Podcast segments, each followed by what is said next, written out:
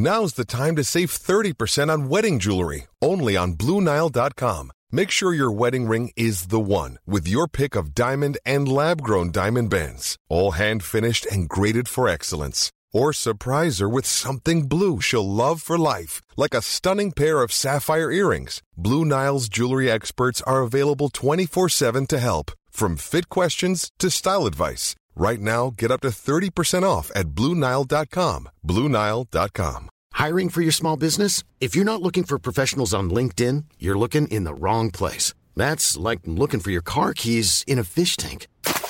LinkedIn helps you hire professionals you can't find anywhere else, even those who aren't actively searching for a new job but might be open to the perfect role. In a given month, over 70% of LinkedIn users don't even visit other leading job sites. So start looking in the right place. With LinkedIn, you can hire professionals like a professional. Post your free job on linkedin.com slash spoken today.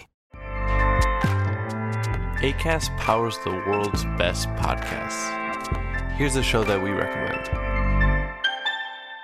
The Real Housewives is a guilty pleasure for most, but if you're looking to not feel guilty about that pleasure, tune in to Everything Iconic with me, Danny Pellegrino, where I break down all the messy moments and behind the scenes antics of Bravo's popular franchise. And on Everything Iconic, I also interview celebrity guests like Kelly Ripa, Kiki Palmer, Drew Barrymore, Cameron Diaz, and more about their guilty pleasures, their past work, and so much more. So if you're pop culture obsessed and find yourself watching way too much reality TV like me, tune in to Everything Iconic with Danny Pellegrino wherever you listen to podcasts. ACAST helps creators launch, grow, and monetize their podcasts everywhere. ACAST.com.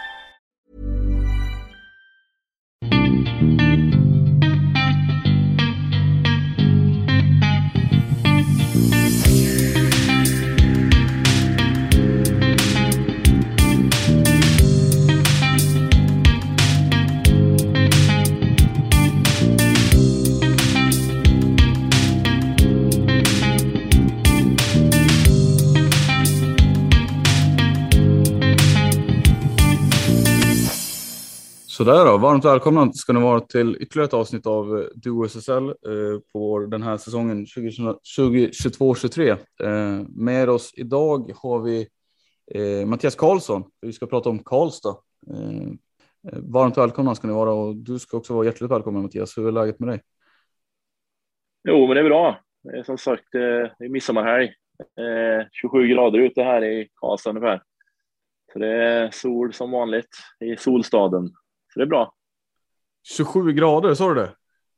Ja, det känns så i alla fall, om inte mer. Jag var ute till affären förut. Det är riktigt, det är riktigt Diadora-shortsväder idag. är du en, jag tänker, är du en sån här golfare? Det känns som det är bra väder för lite golf. Nej. Nej, golf är inte min grej. Jag har faktiskt aldrig, jag har provat att spela, men eh, aldrig liksom fastnat för att ta grönt kort och springa runt på banorna liksom två gånger om dagen hela sommaren. Sommaren vill man ju njuta liksom. Inte springa runt och slita ut sig. Gör man det på en golfbana? ja, det finns de som är alldeles för galna. Går två, tre runder på en dag liksom. Då, då är det inte hälsosamt. Nej, det kan jag faktiskt hålla med om. Men det är ju många. Det är populärt bland fotboll och hockey och innebandyspelare framför allt. Det finns ju många som håller på med det. Ja, ja absolut. Vi, vi har ju haft en golftävling även i Karlstad på somrarna eh, som kör någon sån här, jag är för dålig på termerna, men det är någon eh, Forsam tror jag det heter, eh, där de kör någon tävling här då, i, som klubben anordnar på en av banorna eh, i Karlstad här. Så jo, det, det är många innebandyspelare som spelar på sommaren. Eh, kan man ha någon form av hälsosam hatkärlek till sporten där kanske så kanske den är ganska trevlig ändå sådär. Eh, att hitta en bra balans. ja, men det är ju tidskrävande känns det som, så man ska väl kunna avsätta lite tid för också. Eh. Ja, men precis. Det känns ju så ändå. Jag menar, ska du gå 18 hål, det, det tar väl några, några, timmar känns det som det borde göra. Mm. Eh, om du är ett par stycken också liksom och ska vänta in den andra och slå så att du bör nog ha lite tid och tålamod. Mm. Ja, men eh, kul att höra. Eh, golf eh, ska vi inte prata om. Det är inte därför vi sitter här. Eh, det är innebandy och Karlstad, eh, damlaget då, eh, såklart. jag vet inte varför vi förtydligar det. Vi är ändå Karlstad har inget SSL-lag på här sidan. Inte än i alla fall. Nej, men, men så är det i alla fall. Är det någonting, någonting du vill börja med Gustav? Ja, jag måste börja med Mattias och fråga dig. Ja, det tror jag frågade när jag ringde dig tidigare här också. Frågan hur du var med, men ditt smeknamn som jag reagerade på tycker jag. Alltså det är, det är guld. slashing. Mattias ja. Slashing Karlsson, kan du, kan du ta oss tillbaka? Var kommer det ifrån? Ah, det, är, det är väl egentligen inte. Det är faktiskt inte sportrelaterat eh, egentligen i grunden. Eh, självklart kommer det ifrån eh, sportens värld såklart, den burdusa utvisningsformen inom hockeyn, slashing liksom. Men det var faktiskt så att jag skulle ha ett användarnamn på ett eh, internetspel som fanns på, ja, det är väl eh, sent 90-tal, början 2000-talet, eh, som heter Utopia. Och då tyckte jag att jag måste göra något fränt, liksom. något coolt, något tufft. Så då blev det slashing. Eh, I och med att det är ganska råbarkat inom hockeyns värld. På framförallt 90-talet var det ju ganska råbarkat i NHL och sådär. Blev det och det har ju faktiskt hängt med så har man fått det som någon form av smeknamn och ja, i många kretsar är det snarare slashing än Mattias som är tilltalsnamnet. Där har ni bakgrunden. Snyggt, då har vi klargjort det.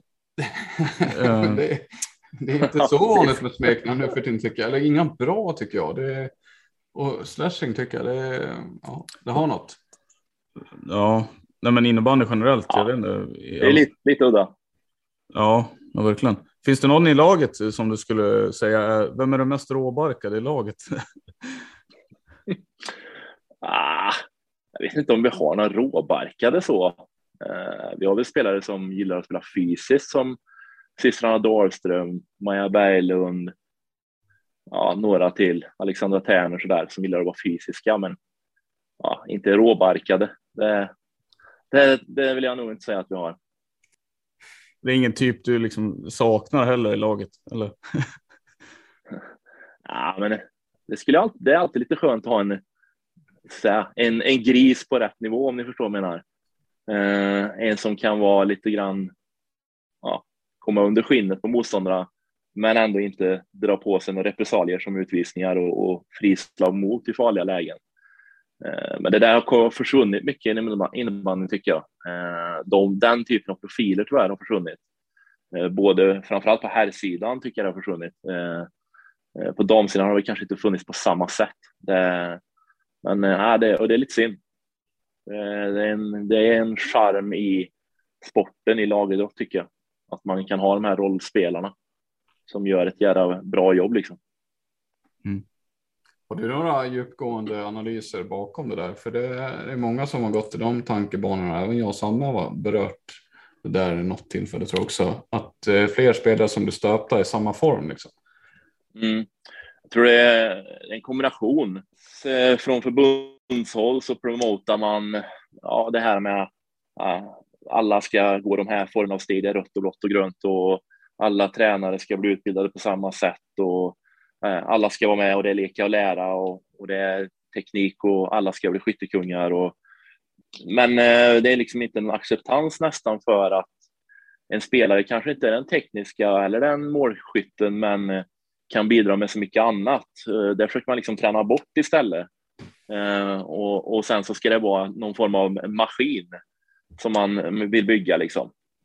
Och det där blir då en kombination av vilken typ av tränare som kommer fram i den nya generationens tränare kontra vad förbunden sätter upp för utbildningar och vi ska träna våra spelare i och hur de ska bli. Så jag tror det är en, en stor kombination därav som gör att vi får, vi får en massa mellanmjölkspelare som alla kan samma sak. Liksom.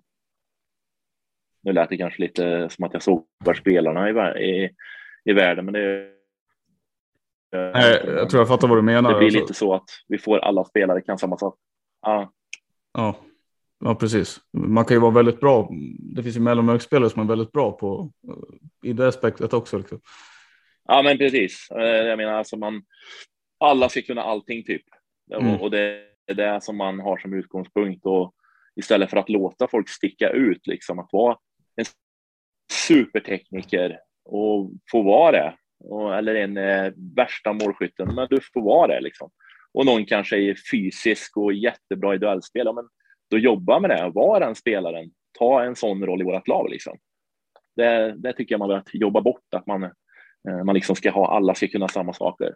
Det är väl ändå en bra grej tycker jag med, med eh, Brottman och Nordén där, att de jobbar just lite mer med de individuella rollerna, att de vill ha lite grisspelare i sin tredje lina eh, som ska vara lite jobbiga, lite fysiska, lite så. Och sen har de målskyttar och poängspelare i andra formationer, så de har ändå anammat och hittat någon form av balans tycker jag där. Men de är lite gamla gallret då, Brottman framförallt. Precis. Mm. Jag undrar, det känns som att det är mycket, ska vi inte fastna i det egentligen, men bara en personlig reflektion. Det känns som att med tanke på Falun har ju blivit mer och mer tycker jag, gått i den, gått samma trend som du själv är inne på. Där de har plockat bort många av sina rollspelare. Jag tycker inte riktigt det har etablerat. De har tagit in några spelare som har liksom Magnus Jansson kom visserligen in, men eh, de här säsongerna här innan så var, saknar de ju faktiskt mycket av de rollspelarna. Det känns som det är mycket Nordén kanske som har, har ligger bakom de tankarna med det här Sankell och ha, spelare som Haglund också som kommer in i landslaget. Eller? Vet faktiskt inte. Men Brottman hade ju Holmgren och de här killarna till exempel i sitt Falun. Ja. Han hade ju de här uh, grisiga backarna som var uh, riktigt obekväma och obehagliga att ha att göra med. Sen hade han kanske lite för bra forwards för att kunna ha rollspelare så mycket där. Men han hade det på backsidan istället tycker jag. Mm. Ja, och sen är inte Brottman ensamt ansvarig för hur truppen ska byggas heller. Nu har ju en sportchef där också, en ja, klubbchef som absolut. säger till som saker. Absolut, absolut. Han är inte ensam ansvarig för, för det liksom. Men ja. Ja, nej, vi släpper den bollen. Den flög inte.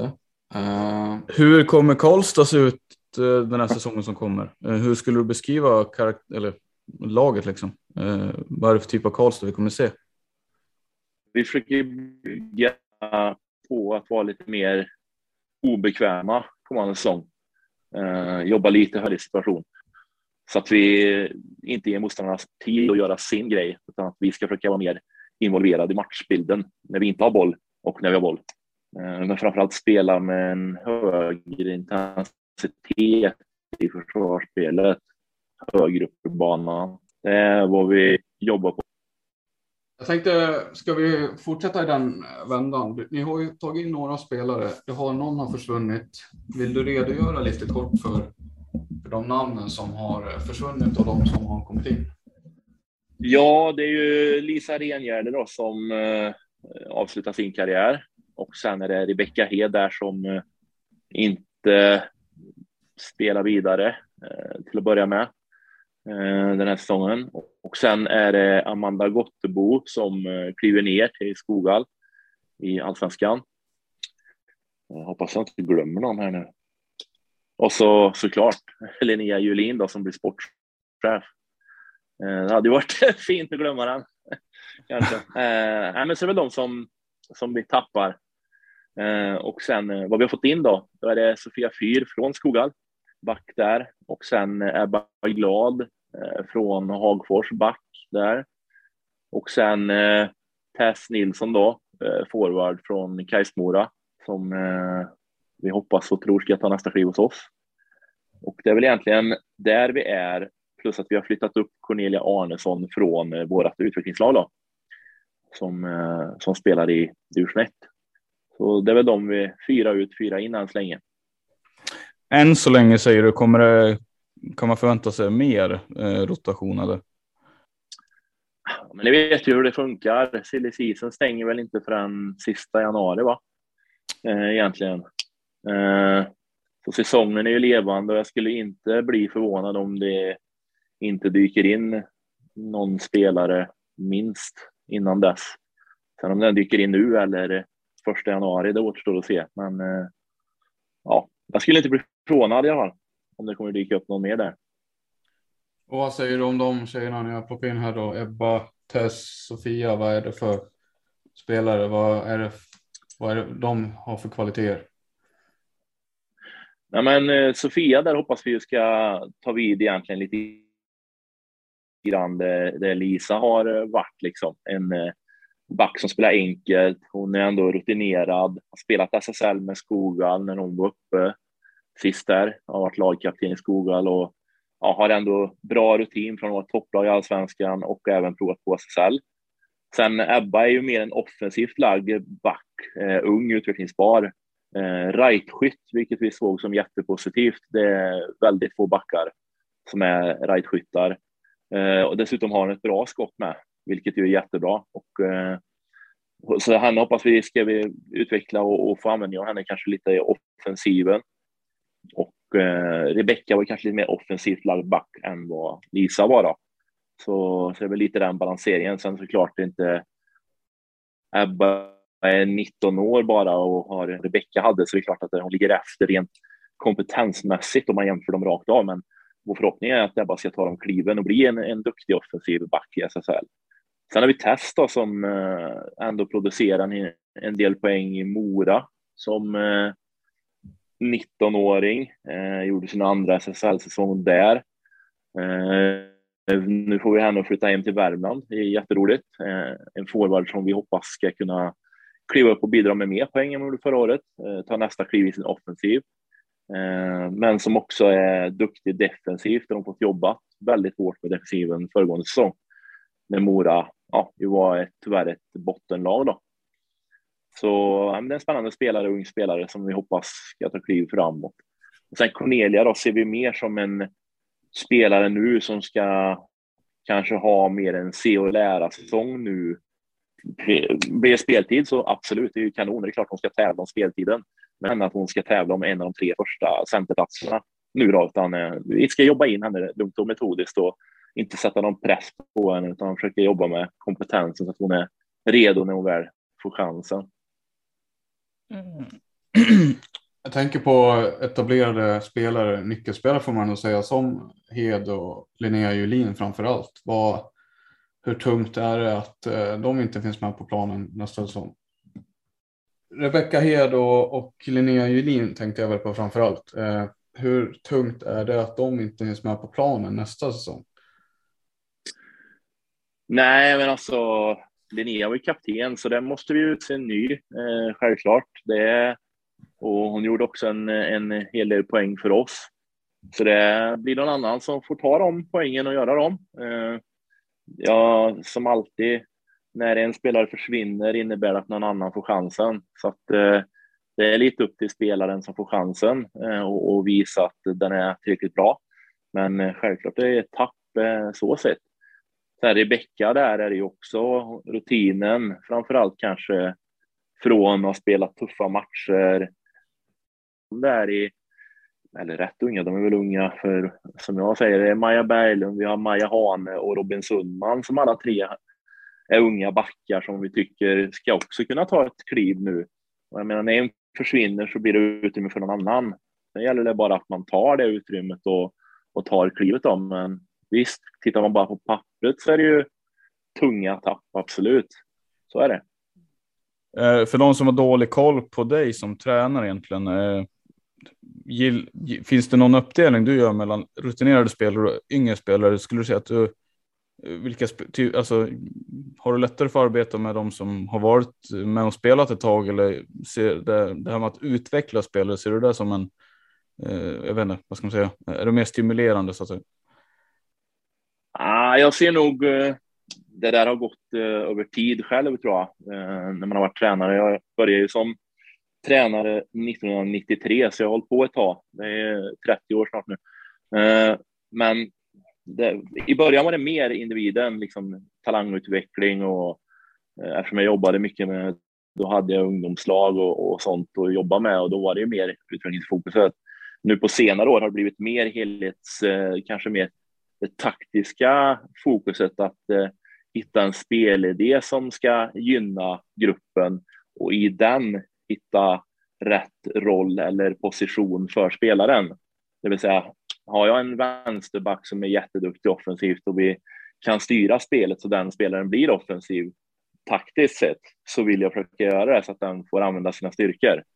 Eh, lite kombinationen utveckling men mer hur kan vi göra någonting bra taktiskt med vårt material som gynnar våra spelare och utvecklar dem också.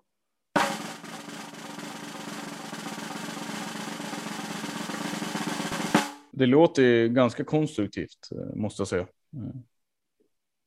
Håller du med Gustav? Jo, men det. ja, absolut. Jag blev bara förvånad. Jag måste ställa en detaljfråga här. Jag har inte tagit reda på innan, men du har jobbat som tränare sedan 93 säger du. Det, jag trodde inte att du var mm. liksom. Ja, jag trodde att du var snarare var född i de trakterna. det hade jag ingen aning om måste jag säga. Det blev jag tagen på sängen av. Att du sitter inne på den. Jag började som tränare. Jag började kombinera som spelare och tränare när jag var 16. Jag är född 77 så jag blir 45 i år. Ja, men ta det som en eh, komplimang. Jag trodde inte det var ja, 77. Absolut. att jag började som tränare och spelare när jag var 16 då. Då tränade jag pojkar 10 i MB87. Eh, sen tränade jag det laget i nio år då, tills dess att de blev överåriga och gick upp i A-lag och ja, ut i andra föreningar och sådär. Vi spelade SM-slutspel och lite sådana grejer med dem. Uh, var det MB87 och Sjöstad som sen blev Karlstad, eller hur var det? För MB87? Ja, precis. precis. Ja, det var ju riktiga antagonister och det var ju på den tiden var innebandyn extremt stor här i regionen och i Karlstad. Det var ju, hade ju någon slutspelsmatch i Sundsvalls sporthall när det var 12-1300 pers liksom. De fick ställa in byggnadsställningar för extra läktare. Det, det var, det var ruggigt roliga matcher på den tiden liksom och just att det var två lag från samma stad med i en relativt liten stad som båda spelade högsta serien och spelade liksom SM-slutspel. Mm. Eh, är det tider du, du saknar? Det, det, låter lite grann som, som det intresset inte riktigt finns kvar. Mm. Nej, men den sporten har, har väl hamnat någonstans i något eh, mellantingsvakuum där man försöker moderniseras och, och, och, kanske inte riktigt är där. Eh, för pengarna finns inte i sporten än, tycker jag.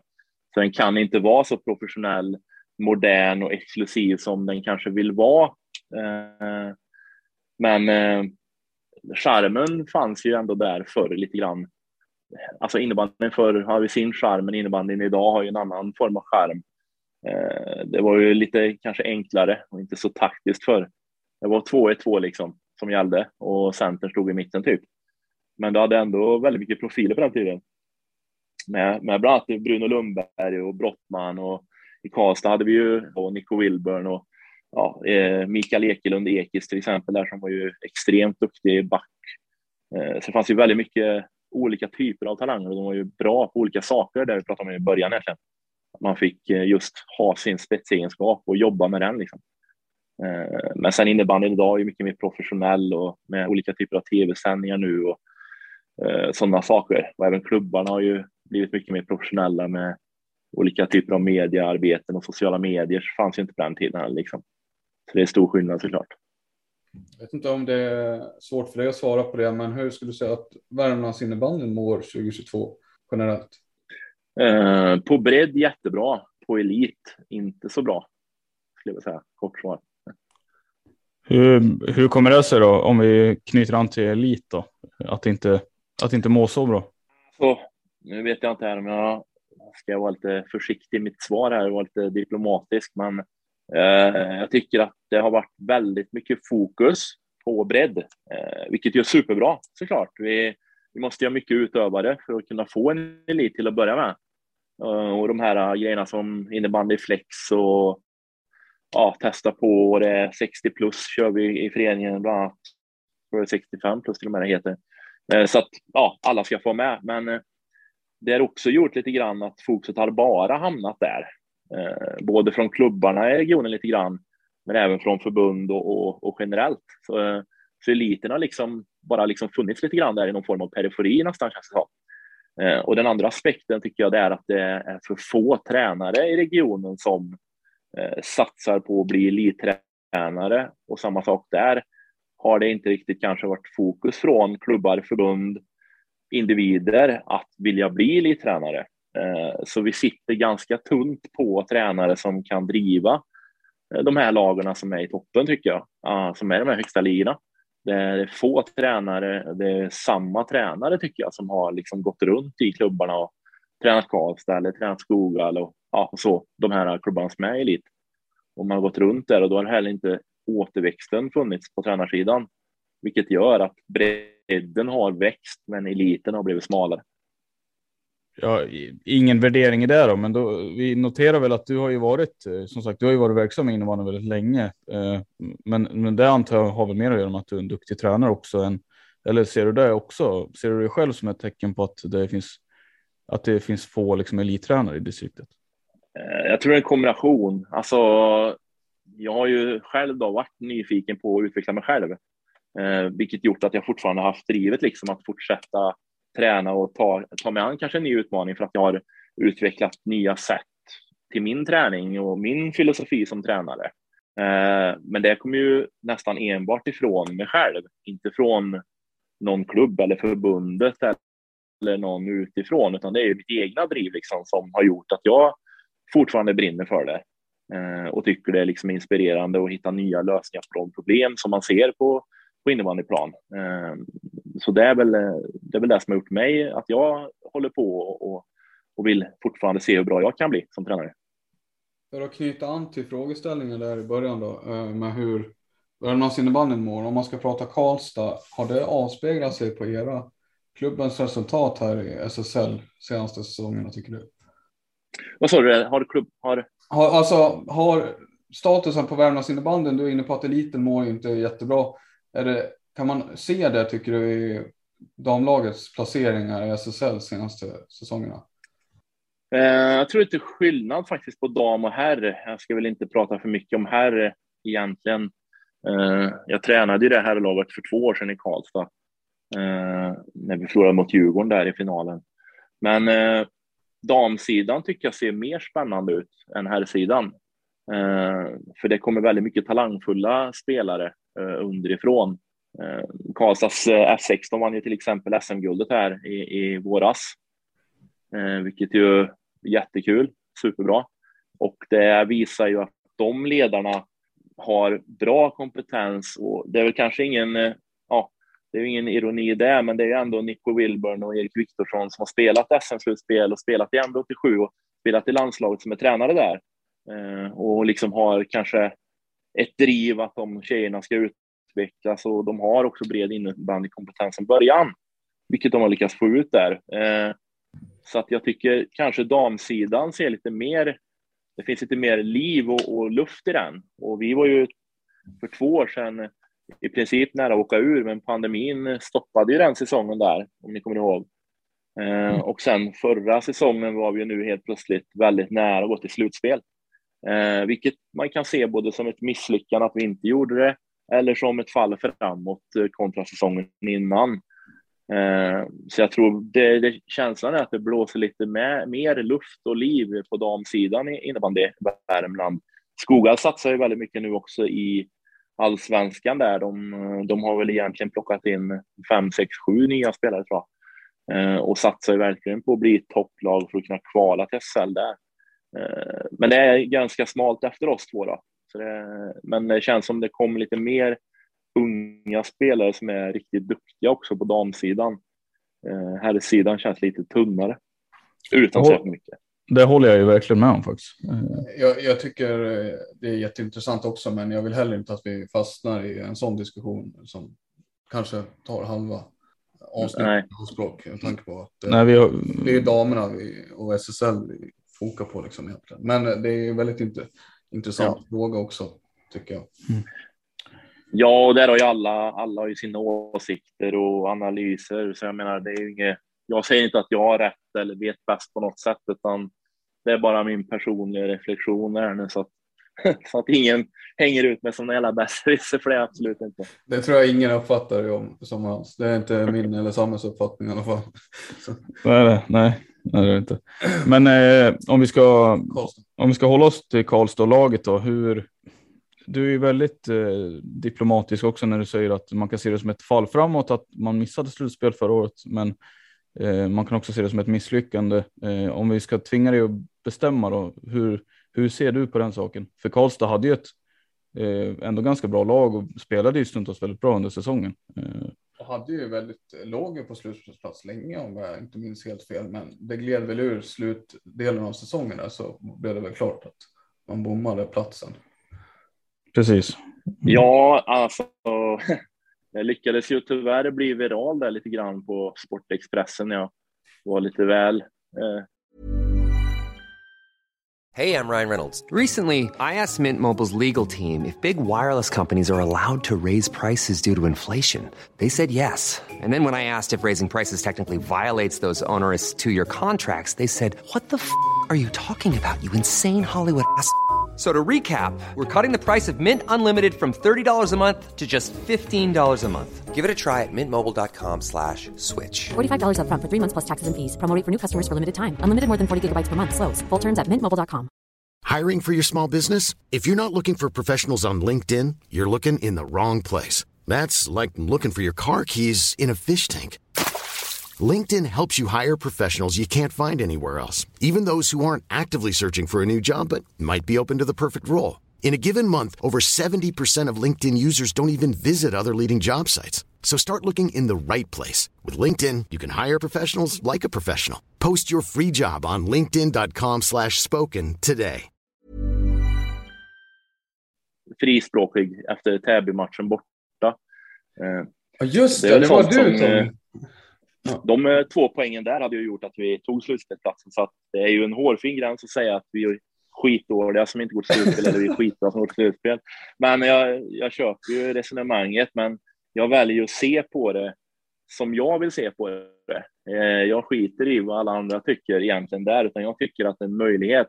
Och i mitt fall då är det ett klart fall framåt, för jag var heller inte jag satte inte min prägel på laget förra året. Jag kom in i, i december och, och fick hoppa in där liksom och hade inte kört någon försäsong med dem och satt något spelsystem eller någonting. Så att jag ser det ju som ett, ett fall framåt att vi fick jobba under våren och, och börja liksom hitta grunderna på det vi vill göra nu. Eh, och det är nu jag vill se att vi kanske tar det där lilla ytterligare steget då i år. Eh, sen är det många lag där som kommer slåss om platserna typ 4 till 10 skulle jag nästan säga är det väldigt många jämna lag. Så det gäller att hitta en bra form och vinna rätt matcher och allt det där, alla klyschorna liksom. Hitta liksom rätt harmoni, rätt roller, eh, att spelsystemet klickar, alla förstår hur vi ska göra. Liksom. Men eh, det, är, det, det är ju det som är små marginaler. Som sagt, den där Täby-klubban där kostar oss två poäng, kostar oss åttonde platsen. Mm. Kanske, så kan man ju se på det om man vill. Eller att vi vann för få matcher under, under ordinarie tid på våren och blev nia på grund av det. Så att man väljer hur man vill se på det. Är det någonting, jag vet inte vad Samme tycker, men om Samme kommer ihåg det, den matchen, den situationen. Om det var, det var Ranga Vali tror jag som stod på bortre och hade bollen gick misstänksamt högt upp på den klubban. Kommer du ihåg? Jag hade faktiskt glömt bort den. Jag hade faktiskt helt glömt bort den, Eh, men nu kommer jag ihåg den när ni tar upp det. För att, eh, precis som Mattias säger, det var ju, det var ju förbannad efter den matchen. Det var hårda ord. Kommer jag ihåg när jag läste den. Men, Då var jag inte så diplomatisk. nej, det, nej, men det var också okej tycker jag efter en sån situation. Någon gång måste man vara det. Man kan liksom inte stå, liksom vara, vad ska man säga, man kan inte stå och vara neutral i alla lägen. Det, det är ju ändå känslor. Nej, men det är ju... Sport på med. Och det är ju elit vi sysslar med liksom. Ja. Eh, Vi spelar ju om SM-slutspel och det är elitverksamhet vi håller på med. Det, det är klart det blir känslor och man blir förbannad och så vidare. Det, så är det ju ibland och då, då får man kanske reagera någon gång sådär. Det, och då, det gjorde jag den gången. Snacka om vilka känslor det hade varit om, eh, det, om ni hade knipit slutspelet med minsta möjliga marginal. Då hade det väl varit åt andra hållet tänker jag. Då hade man ju jublat något kopiöst, alltså över att ha lyckats med det. Precis. Mm. Och det tittar man egentligen på Malmö-matchen, den sista som ju gällde slutspelsmatchen borta där, så, så gör vi en jättebra match och spelmässigt så är vi ju det klart bättre laget den matchen, men vi får inte in bollen där och det var väl lite det som var signifikativt egentligen på våren, att vi gjorde för lite mål eh, i matcherna. Den matchen borde vi ha vunnit, men förlorar den och då tar Malmö den åttonde platsen och vi blir nia liksom. Eh, så att det är ju också sådana marginaler att det gäller att träffa rätt liksom. Och, och hit- hitta liksom flowet. Och där kommer vi väl ur lite på våren. Vi börjar göra mindre mål. Men om vi tolkar dig rätt i alla fall, då är, är väl er målsättning någonstans. Ni ska vara med och kriga, bråka om en eh, slutspelsplats, låter det som. Utan att sätta någon specifik placering så, så ska ni ändå kunna vara med där och störa om, om de positionerna. Ja, men alltså det är ju klart. Jag menar, jag eh, är ju inte tränare för att vi ska bli bli blir tia liksom och hänga kvar. Eh, typ. Det är inte därför man gör det här, utan man vill ju ta sig framåt och uppåt hela tiden och drivet för mig är att utvecklas som tränare och hitta nya lösningar och min förhoppning är att mina spelare har samma driv, att de vill uppåt och framåt och, och, och spela slutspel. Eh, sen om man blir femma eller blir åtta eller blir tia, det, jag tror det är så pass små marginaler i år så det, man kan bli det. Eh, vi kan bli femma i år, eh, vi kan bli tia. Eh, det, det kan liksom hänga på några poäng hit och dit. Det, men självklart vill vi vara med och bråka om det. Hur viktigt var det för er att ni fick behålla Sara Dahlström? För jag, jag kan tycka hon blev uttagen till landslagsläge här, men det är en spel som har gått lite under radarn senaste åren tycker jag, som inte riktigt har skrivs så mycket om eller får så mycket cred känns det som. För de som är utifrån, hur viktig är hon för er? Ja, men det jag tycker Sara har gjort framför allt är att hon har, hon har börjat fatta vad bra hon är på innebandy om hon vill vara bra på innebandy.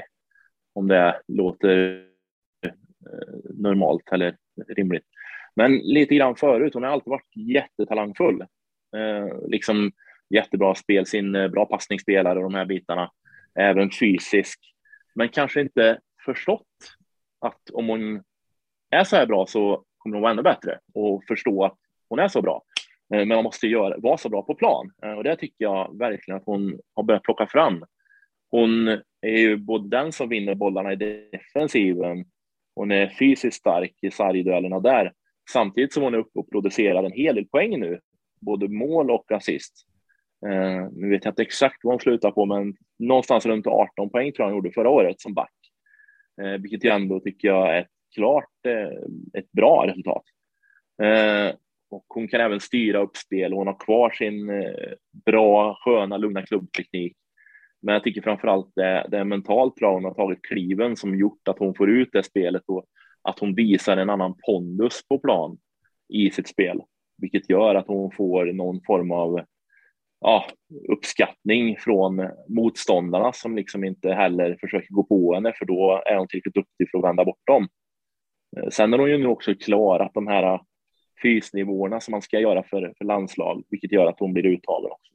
Så att det, det, jag tycker att hennes mentala steg upp i innebandyn och få ut det på plan, hur bra hon faktiskt är, har hon, har hon verkligen tagit kliven den här säsongen och även delvis säsongen innan. Så det är en jätteviktig spelare för oss. En, eh, en annan spelare är ju Lisa Rengärd som har lämnat eh, eller valt att lägga av. Mm. Eh, hur, ja, precis. Eh, eh, hur, eh, vad är det för typ av tapp skulle du säga? Det är framförallt ett defensivt tapp tycker jag då. Alltså hennes styrka låg i att vi, vi kombinerade ju henne med Sara förra säsongen. Så vi hade Lisa som den lite mer defensiva backen som skulle ta djup och, och vinna de djupa sideduellerna då, medan Sara skulle vara mer offensiva i försvaret. Så att det är ju en defensivt stabil back och det hoppas jag att vi kan ersätta med, med någon av de andra backarna. Men självklart mycket rutin också efter alla säsonger i SSL. Ja, precis. Ytterligare ett namn som jag funderar på, som jag är lite osäker på vad jag har någonstans, eh, som jag inte riktigt vet vad hon håller på med just nu. Matilda Jansson. Ska hon spela i Karlstad nästa år? Hon eh, tog ju ett eh, break där i, ja det var väl egentligen samma veva som jag kom in där. Eh, att hon liksom har spelat innebandy i så många år och ja, vet inte om hon vill spela innebandy längre. Eh, I och med att hon börjar ju i så tidig ålder som alla tjejer gör och kommer upp i A-lagen. Eh, och har liksom gjort de här ja, åtta åren i SSL, allsvenskan, redan nu liksom. Så hon tog ett break där och mig vetligen så är det väl ingen förändrad status där i dagsläget. Att det är någon, någon ändring på att hon fortfarande då är på break så att säga, eller ja, vi, vi får se helt enkelt om hon har hon ett sug och ett driv och vill spela innebandy så ska hon ju självklart spela hos oss. Eh, det är en right forward som gör poäng liksom. Så det, det är ju en spelare vi absolut i så fall vill ska komma in och, och spela hos oss om hon får tillbaka motivationen och har ett driv och, och vill. Den bollen ligger lite grann hos henne låter det som. Ja, det går inte. Jag tror inte på den här varianten. Man ska tjata in spelare. Då, då, då kanske får en kortsiktig effekt att de okej okay då, jag hoppar in och så kör de ett par, tre matcher. Men sen faller man tillbaka i den här eh, bristen av motivation eller ja, de här andra sakerna som gjorde att man faktiskt slutade. Utan det måste komma inifrån. Det är, det är samma sak med alla liksom. Eh, du måste ju vilja själv eh, istället för att någon ska tjata in dig att du ska. Eh, det funkar inte i längden. Mm.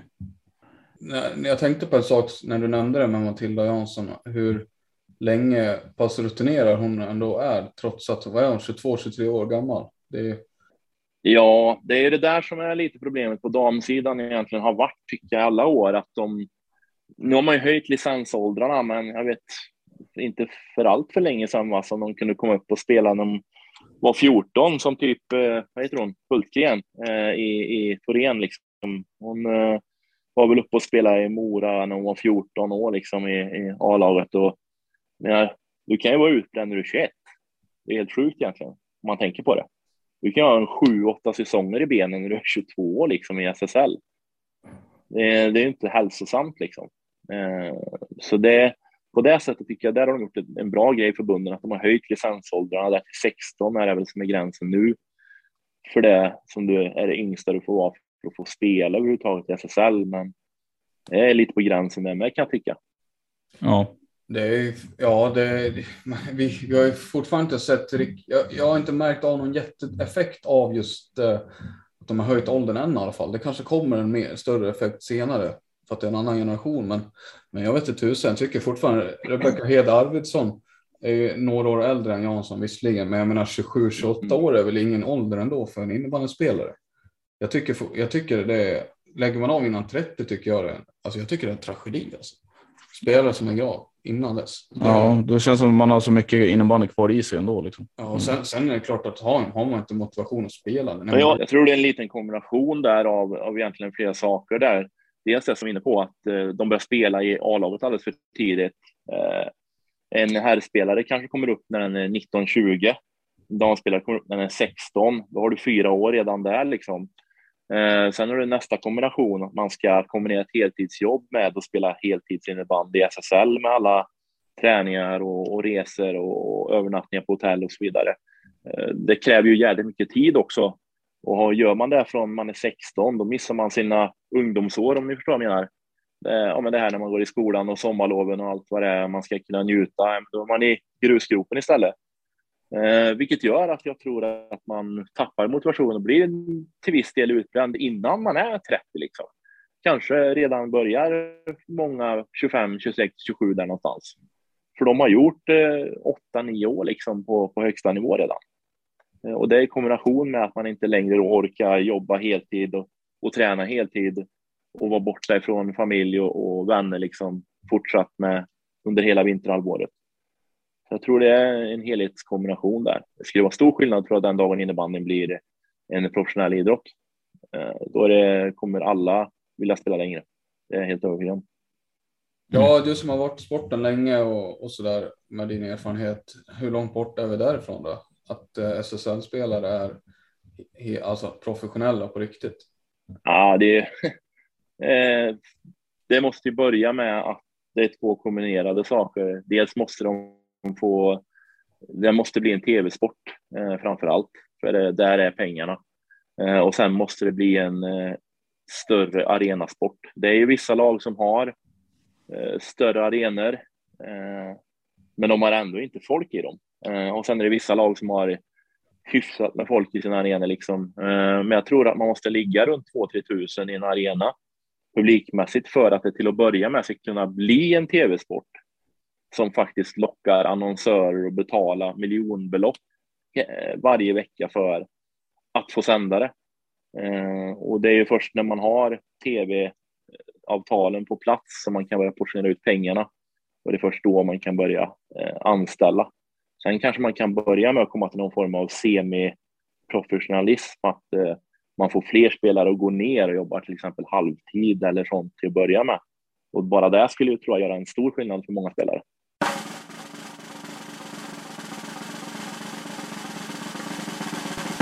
Men det, eh, hur eh, tänker du kring det? En sak som du pratar om publiksiffrorna där, 2-3 tusen, alltså det finns ju inget lag på damsidan som är i närheten av de eh, siffrorna. Och Nej. vissa lag är ju, alltså vad är publiksnittet? Vissa har 200-300 utan att nämna namn. Ja. Alltså, Ja, det är jätte- Nej, men dam, damsidan tror jag lider av samma problem som damidrott generellt. Eh, det är samma tittar man på fotbollsallsvenskan på damsidan. Eh, det är inte många lag där som har någon, någon vidare publik och, hänga i granen eller skryta med. Eh, och där är ju väldigt mycket upp till klubbarna och försöka profilera sig. Kanske fler klubbar som kanske har ett damlag i SSL men inget herrlag. Som eh, Mora till exempel. De byggde ju myten om sitt damlag och, och fick ju liksom hela stan att engagera sig i damlaget fast de hade ett herrlag. Eh, och när de var bra så hade de ju väldigt bra tryck kring laget med sponsorer och, och allting. Företagslivet gick in och verkligen stöttade upp som gjorde att de kunde eh, jobba med eh, anställda spelare. Vi är snart tillbaka. Hör du oss Mattias? Jajamän. Ja, bra. Eh, vad, vad säger vi Gustav? Har vi mer att beröra kring truppen sådär? Eh, säsongen? Nej, men det känns ju som du är ganska nöjd med truppen Mattias, men eh, numerärt känner du att du har bra med antal spelare för att kunna gå in eh, i säsongen? Eller skulle du vilja ha ett par namn till där, alltså av, den, av det skälet? Alltså, nu ska man ju inte sitta och, och avslöja för mycket, men, ja, men det vore väl eh, trevligt om vi kunde få in en forward till, skulle jag tycka, för att få lite, lite mer konkurrens där eh, på forwardsidan. Eh, vi har ju åtta, vi har sju plus en backar eh, i och med att vi har börjat med någonting i år som vi kallar för utvecklingskontrakt, eh, där vi ger ett ettårskontrakt till en av juniorspelarna där de får vara med en hel säsong med SSL-laget och träna, göra försäsong och hela balletten för att de ska se och lära. Eh, och sen förhoppningsvis år två då kunna ta en, ett A-lagskontrakt då och, och bli en av de backar som erbjuds ett ordinarie kontrakt. Det är en process jag tror är viktig för oss att bli självförsörjande. Eh, så vi har sju ordinarie backar plus en sån eh, back på plats. Vi har ju två målvakter. Vi har fyra plus en center. Eh, men vi har tio forwards. Eh, så det är möjligen en forward till jag skulle vilja ha in. För att få lite mer konkurrens på forwardsidan. En forward som du redan har pratat om som eh, är från Värmland och eh, eh, som jag antar vore ett otroligt välkommet tillskott, eh, men som för många är ett stort frågetecken är ju Johanna Hultgren. Eh, är det en spelare du har kontakt med eller så här, hur är din relation till henne? Nej, ingen faktiskt. Eh, hon är ju från, hon, hon är ju från Filipstad. Eh, jag har själv, när hon var i Värmland så hade jag, tränade jag pojklag. Eh, så att jag, eller herr, pojk och herrlag. Så jag har liksom aldrig haft någon egentligen koppling eller relation till den tiden av daminnebandyn när hon var i Värmland. Eh, och sen har jag inte haft det heller när hon har varit ute på flykt. Men det är en jätteduktig spelare såklart. Eh, super, superduktig rightare. Eh, vem vill inte ha en rightare i laget? Så att skulle hon vilja spela i Karlstad så skulle jag vara den första som stod och välkomnade henne. Liksom. Absolut. Det är inga som helst problem med att få in en sån högkalibrig spelare i laget. Nej, men det är där man funderar. Alltså, det borde ju rimligen, om inte du har det så tänker jag att alltså, det bo, bo, vore ju konstigt om inte klubbarna i Värmland liksom checkar av och ser om, om det är så att hon vill, att hon tänker flytta hem eller om hon har flyttat hem. Alltså, nu vet inte jag den statusen, men man borde ju checka med en sådan spelare i alla fall, tänker jag. Eh, Om man nu Ja. Sportchef, tränare eller klubbchef eller vad det nu är. Jag har spelat bakom kulisserna där överlåter jag åt eh, Linnea faktiskt. Eh, ja, jag säger vad jag vill ha in och så får hon jobba. Eh, eh, jag, gillar, jag gillar fotbollsmodellen där med. Att eh, tränaren säger vad han vill ha och så får sportchefen jobba. Och så hoppas vi att man, sportchefen lyckas. Hur tycker du det samarbetet har gått med Linnea? Nej, men det funkar bra. Jag menar, jag hade henne i laget här under våren och har ju ja, känt henne i många år egentligen, sedan innan hon flyttade till Jönköping och hon har spelat i Skattkärr när jag tränade herrarna där, en annan förening här i Värmland. Eh, Spelade hon i damerna där, jag tränade herrarna där. Eh, så jag har känt henne i många år och eh, vi har fått en bra start tycker jag. Bra dialog, funkar bra. Hon är ju driven, Så det kan bli något riktigt bra hoppas jag. Och väldigt kul att en före detta spelare fortsätter i föreningen framför allt tycker jag. Och inte bara går i pension eller vad man ska kalla det. Ja, det håller jag verkligen med eh, Det var roliga nyheter när det kom. Ja, och sen, ja, inte vet jag. Det, ja, det är inte helt vanligt. Att, Nej, det är inte. Bra kvitto till Karlstad tänker jag också att man att, att en sån person vill fortsätta vara verksam i föreningen, tänker jag. Ja, och det är väl något vi försöker jobba med i andra änden. Dels nu då som vi försöker jobba med de här ungdomskontrakten nu då för att vi ska bli självförsörjande med spelare delvis. Samma sak att de här spelarna som slutar, att de kommer tillbaka och tar kanske en sportchefsroll eller en sportgruppsroll eller vill jobba med marknad eller någonting sådant liksom. För det är ju också namn som är kända i samhället i, i Värmland och i Karlstad, vilket kan göra det lättare att stärka upp på, på sponsorbitar och, och organisatoriskt och allting liksom. När man ser att före detta elitspelare faktiskt fortsätter i föreningen på andra roller. Så att eh, det, sen är det jätteviktigt att få in fler tjejer där. För det har suttit bara killar på alla de här stolarna i, i sportgrupper och, och, och styrelser i alla år i princip. Det, då blir det ju samma sväng där med. Eh, tjejer och, och, kvinnor har ju lite andra tankegångar och infallsvinklar som jag tror är väldigt bra och framförallt för daminnebandyn som de ju kan själva bäst. Liksom. Det är en jätte, jätteviktig rekrytering som vi fick till där i Karlstad. Mm. Blir det, det har inte varit några konstigheter just med, du nämnde hon, du har ju varit hennes tränare, eh, men nu är det hon som ska förse dig med spelare som du känner att du vill ha in. Är, blir det någon krock eller någon konstigheter där i, ska man säga, i relationen? Så att säga? Dynamiken. Dynamiken. Nej, jag tror det handlar, det handlar väldigt mycket om att vara lite prestigelös liksom. Eh, det, alltså, var lite prestigelös och går det så går det inte. Alltså, man får ju ta saker med en klackspark. Alltså, man kan inte stånga huvudet i väggen och tycker vi, vi båda är bra på att kommunicera, vilket gör att det funkar väldigt bra. Liksom. Eh, vi har i princip daglig kontakt nästan. Så det, det, det är bra, bra, bra start att man har det. Får vi se hur kommunikationen går om det blir en tuff höst här då, eller då, då är det kanske andra, annat ljud i skällan. Ja, det är väldigt spännande tycker jag. Jag tycker det känns svårt att placera lagen här. Du nämnde det själv 4-10, jag skulle säga 4-12. Jag tycker det känns svårt att göra någon tips på förhand här, men eh, det blir ju bara roligare då när vi drar igång här. Mm. Ja, det är jättesvårt som sagt och det har jag lärt mig den hårda vägen att eh, man ska aldrig tippa, eh, för det ger alltid gratis tändvätska till någon. Eh, så det är därför jag aldrig säger vilka som ska åka ur en serie längre. Fan, jag tänkte ju fråga om det. Mm, precis. Nej, det, det, det undviker jag numera. Jag brukar, kan säga att uh, Thorengruppen vinner SM-guld. Det kan jag säga, för det, det skaver inte hos någon.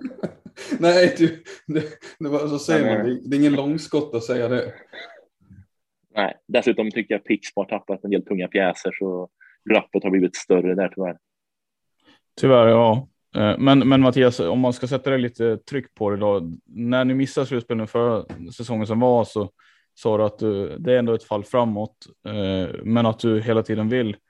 Eh, du vill utveckla verksamhet eller utveckla laget och verksamheten. Liksom. Hur, då, då antar jag att nästa steg borde vara att gå till slutspel och missar ni slutspel säsongen som kommer så gör man rätt i att se det som ett misslyckande då eller hur, hur ställer du dig till det? Ja, jag, jag ska ge ett PR-svar här nu. Eh, det, vi vill till slutspel. Jag vill till slutspel. Jag vill spela slutspel. Absolut. Men eh, säg att vi tar fem poäng mer än förra året då, och blir nia. Är det en sämre säsong? Mm. Eh, inte så säker på att det är det.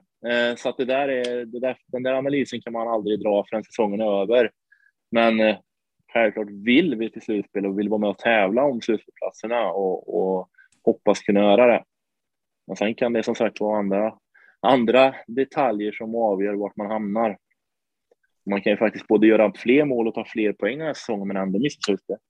För det är så pass jämnt. Men du känner ändå att truppen är så pass bra att ni ska vara där och liksom slåss om det?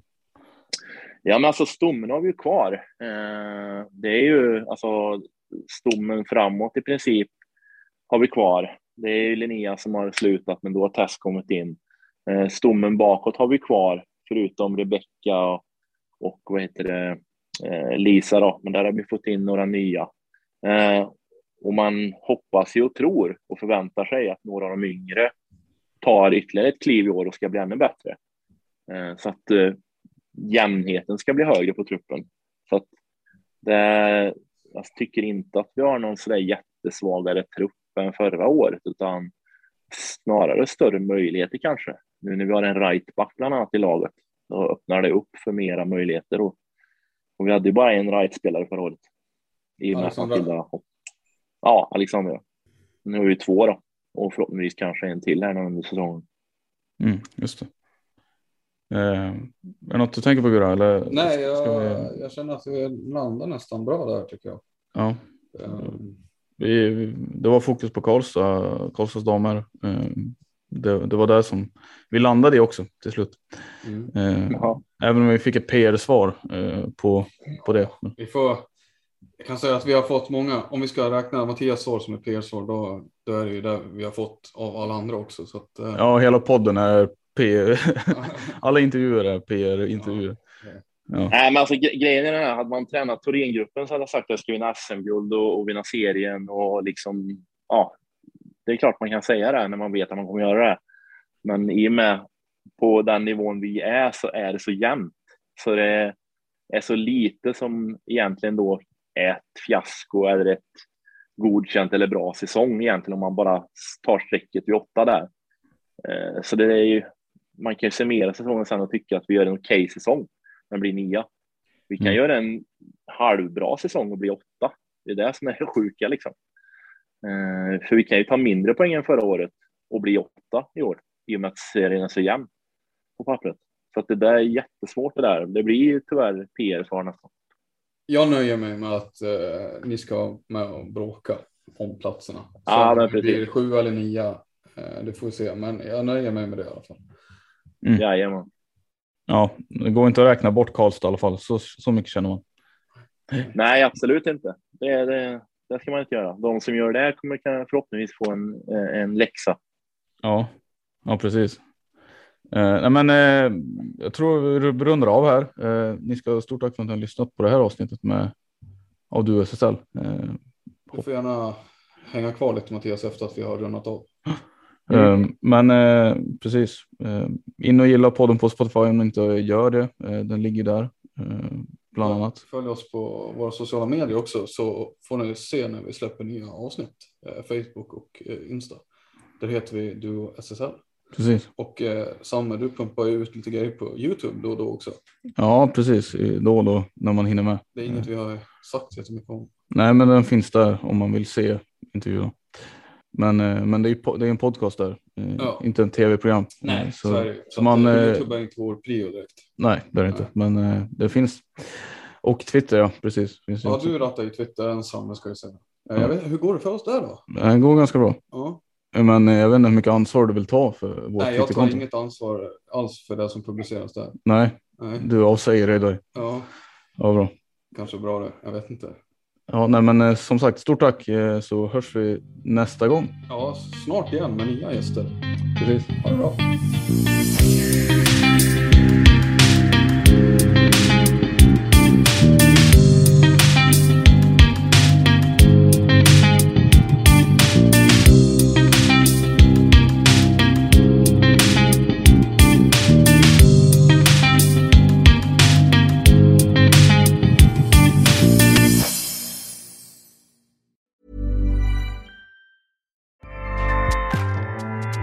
ACAST powers the world's best podcasts.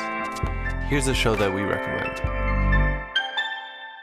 The Real Housewives is a guilty pleasure for most, but if you're looking to not feel guilty about that pleasure, tune in to Everything Iconic with me, Danny Pellegrino, where I break down all the messy moments and behind the scenes antics of Bravo's popular franchise. And on Everything Iconic, I also interview celebrity guests like Kelly Ripa, Kiki Palmer, Drew Barrymore, Cameron Diaz, and more about their guilty pleasures, their past work, and so much more.